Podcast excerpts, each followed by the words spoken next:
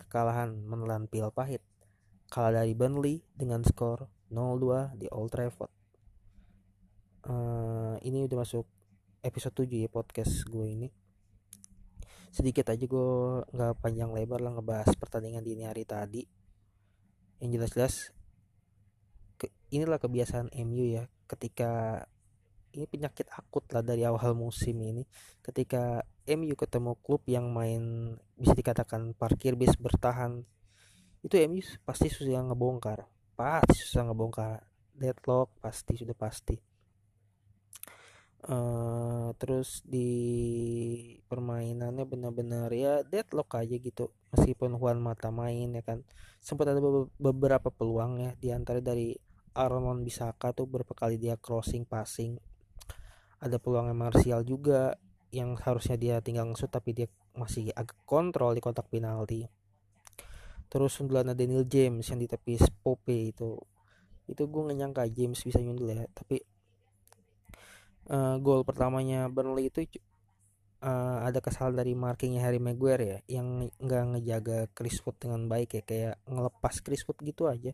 Dan lagi-lagi United kebobolan dari set piece. Ini permasalahan yang udah berkali-kali beberapa pertandingan terakhir kebobolan lewat set piece itu. MU itu lemah banget emang antisipasi set piece musim ini.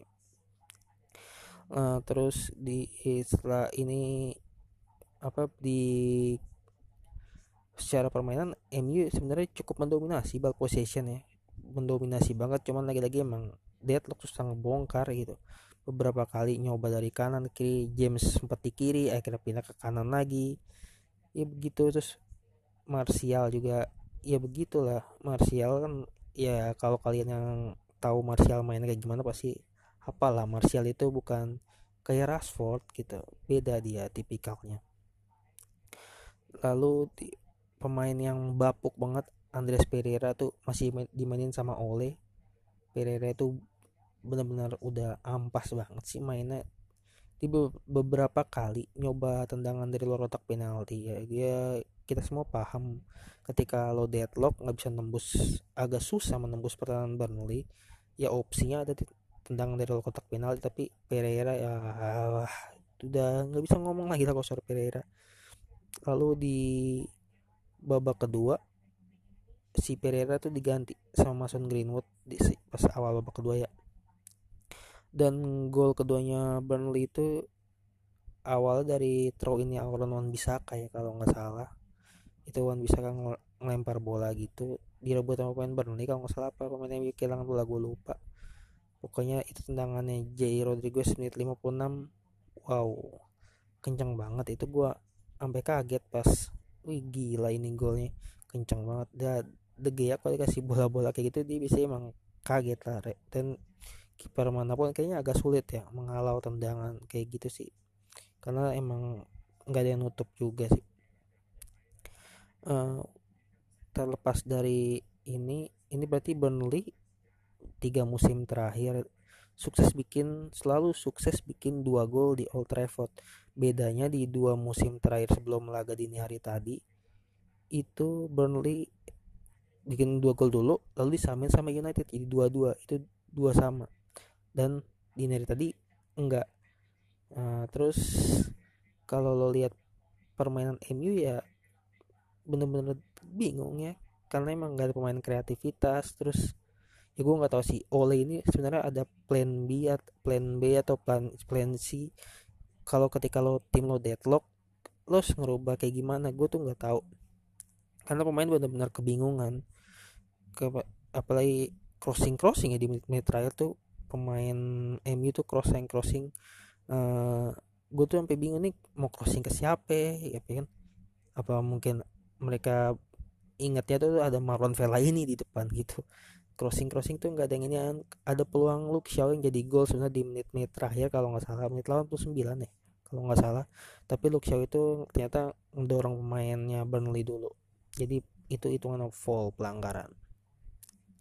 Ya dengan hasil ini United tetap di peringkat 5 klasmen Premier League dengan nilai 34 poin kembali gagal merapatkan jarak dengan Chelsea. Chelsea itu di hari sebelumnya imbang dua sama dengan Arsenal di Stamford Bridge.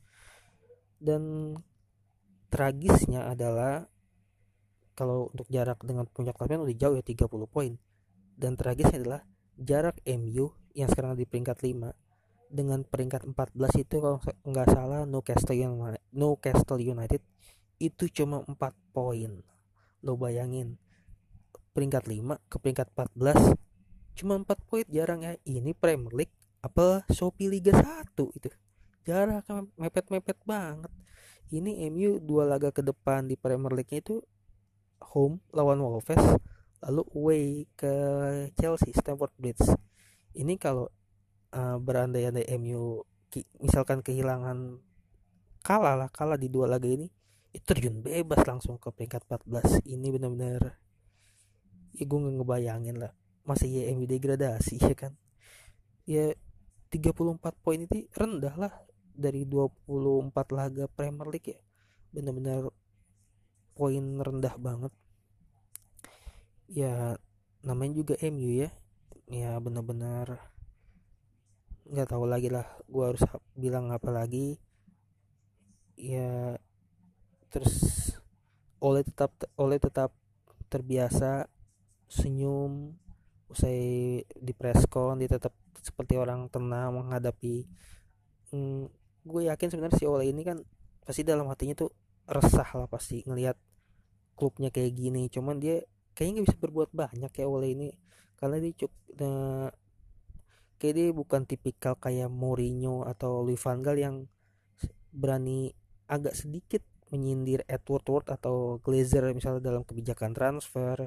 Kalau lu lihat kalau lu ingat kan Mourinho kan ya ketika dia nggak ada pemain yang dia inginkan dia pasti di presscon ada ya dia menyindir nggak dapat pemain ini kita kurang back tengah. Misalnya saat itu Mourinho pernah gitu saat dia nggak dapat Harry Maguire ya di awal musim 2018-2019 tuh kan sebenarnya Mourinho tuh minta Harry Maguire nggak kenapa gue nggak ngerti lah namanya Edward Ward ya kan yang itu jiwa bisnisnya benar-benar goblok lah kalau bisa dibilang.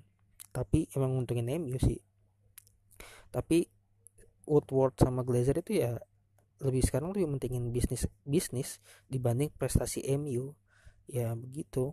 Jadinya memang nggak ada ya kalau mereka masih ada di MU masih ada di klub kayaknya ya MU bakal gini-gini aja tidak akan ada perubahan ya kan?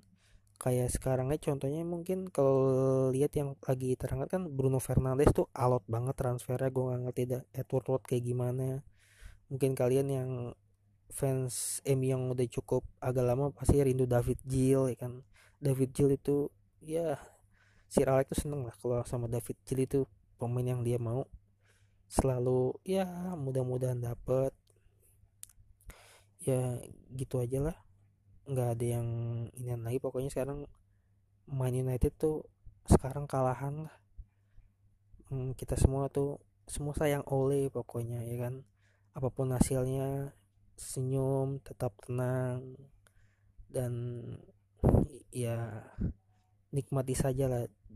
Di akhir Januari ini Emi masih punya dua laga sih dua laga di FA Cup sama Carabao Cup ya. FA Cup itu away hari Minggu kalau nggak salah ya. Itu gue juga nggak tahu lawannya masih bingung antara Tremer, Tremer Rovers Tranmere Rovers atau Watford. Tapi main away MU lalu terus leg kedua lah Carabao Cup di Etihad Derby Manchester. Ya segitu aja lah. Nggak yang banyak harus dibahas lagi lah gue udah cukup mumet tadi nontonnya. Bangun pagi jam gue jam-jam tiga gue bangun emang sengaja masang alarm ya, terus pasang nonton di mola aplikasi tapi ya namanya juga MU ya. Pokoknya semua sayang oleh lah. Ole ole ole ole ole ole semua sayang ole tentang dirimu